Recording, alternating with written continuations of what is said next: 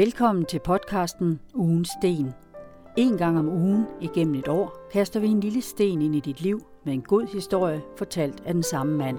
Det er mig, Sten Vedel. Sten Vedel har været i Søværnet, solgt møbler i England, været salgschef på den kongelige porcelænsfabrik, og i dag er han ejendomsmaler. Sådan er det. Ugens Sten er en lille historie på 5-20 minutter fra Stens liv.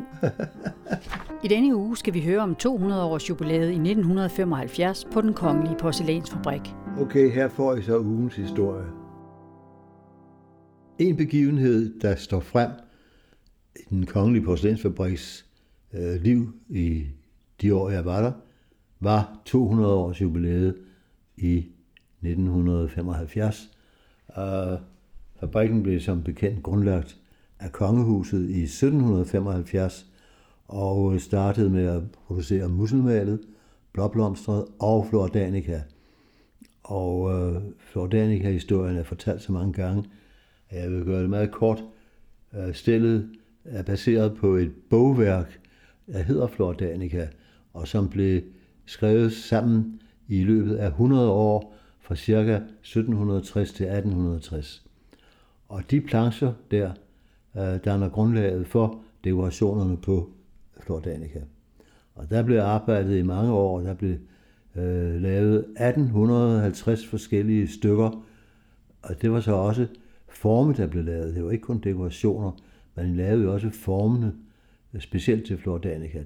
Da det var færdigt, så skulle det have været sådan en pralegave fra det danske kongehus til det russiske, men øh, kejserinden døde jo som bekendt øh, der i 1800 697, og øh, stillet stod så på den kongelige og var færdigt, men uden ejermand. Og så blev det besluttet, at kongehuset selv overtog stillet, og det blev så leveret, og der er en afleveringsprotokol, hvor man kan se, hvor mange stykker og hvad slags, der blev kørt fra den kongelige porcelænsfabrik til Amalienborg. Og øhm, det var meget. Og det var også en uhyre omkostning. Det var meget, meget dyrt. Øh, selv for en kongelig øh, indkøbspunkt. Men det blev heldigvis sådan, for det eksisterer den dag i dag. Øh, der er ikke forsvundet meget af det. Øh, jeg tror stadigvæk, der er 1500 stykker tilbage fordelt på opstillinger og udstillinger på Rosenborg, og på Amalienborg og på Christiansborg. Og det bruges meget bekendt ikke mere. Det blev brugt øh, et par gange. Jeg tror, det blev brugt til dronning Margrethes bryllup med prins Henrik. Men øh, jeg er ikke 100% sikker, men det blev brugt nogle enkelte store begivenheder.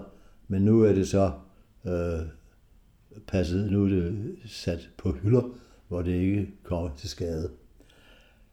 Um, selve jubilæet blev planlagt øh, som en stor fest. Og det skulle også være en fest for folket. Det var ikke kun for bestyrelsen og direktørerne. Der blev lavet en, en, en fest, øh, som blev afholdt på øh, Falconer-centret, hvor der er to sale.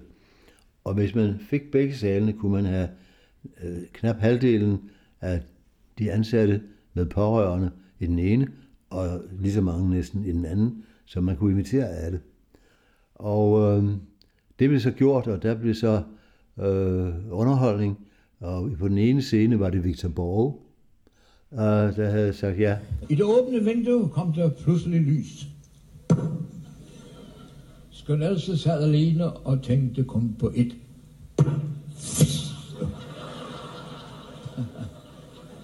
Ja, det er sgu morsomt. To år var gået, siden hun så Ridder Henrik. De havde siddet i parken, og Henrik havde sagt, Darling.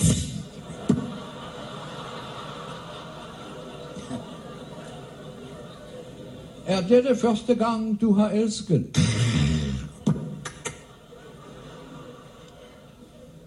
Og hun havde svaret, ja. Og på den anden side var det Paul Reichert. Er du dus med himlens fugle og skovens grønne træer, så har du fundet ind til det, som gør livet allermest værd. Så der var lidt af forskellige skuffer til underholdning der. Og jeg kan huske, at vi havde et par frokoster med Victor Borge inden for ligesom at tilrette, øh, hvad det var, han skulle tale om. Og han vidste det jo godt selv. Men han havde fundet på en ny øh, vidighed der. Det var, at øh, nu da alle var blevet dus, så måtte man jo også lave mange ord om fra de til dut, du. Og det kunne ikke hedde gardiner længere, det måtte hedde garduner. Og det kunne heller ikke hedde en gardist længere, det måtte hedde en gardust. Og den kørte han på hele frokosten, men den kom nu altså ikke med til forestillingen. Der var andre af hans gamle vidigheder, han trak ud der. Desuden var der så en festforestilling i det kongelige teater. Jeg havde foreslået for at være moderne, at man skulle bede Claus Ryfbjerg op at skrive et stykke til jubilæet, men det synes altså direktionen ikke og bestyrelsen ikke var det rigtige. Så det blev som en flagermusen, der gik over scenen der.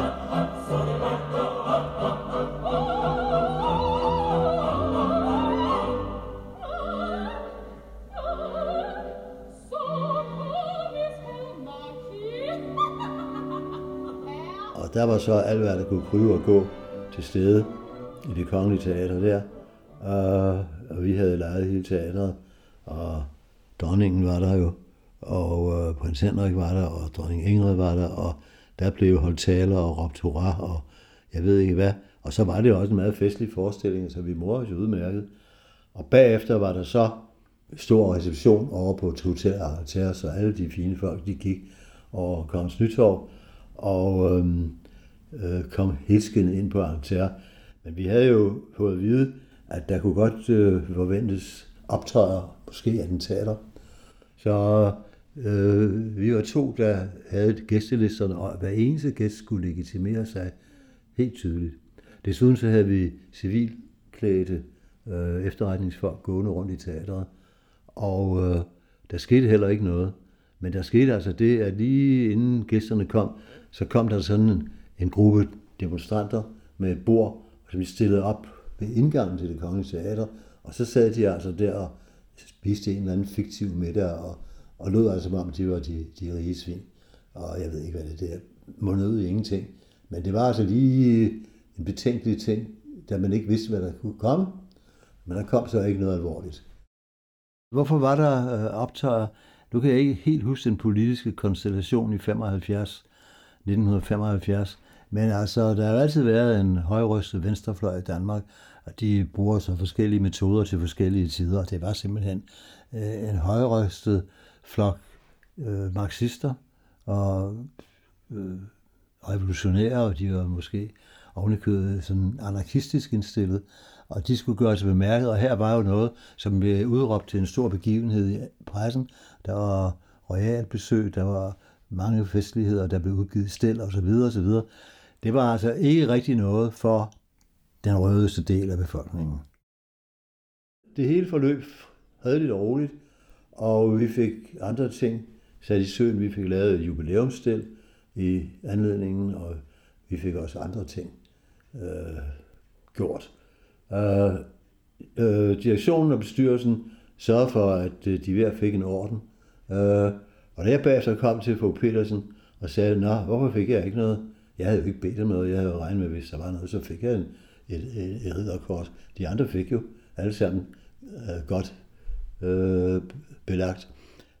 Nå, sagde han, jamen jeg troede, du fik det automatisk, du er servicer.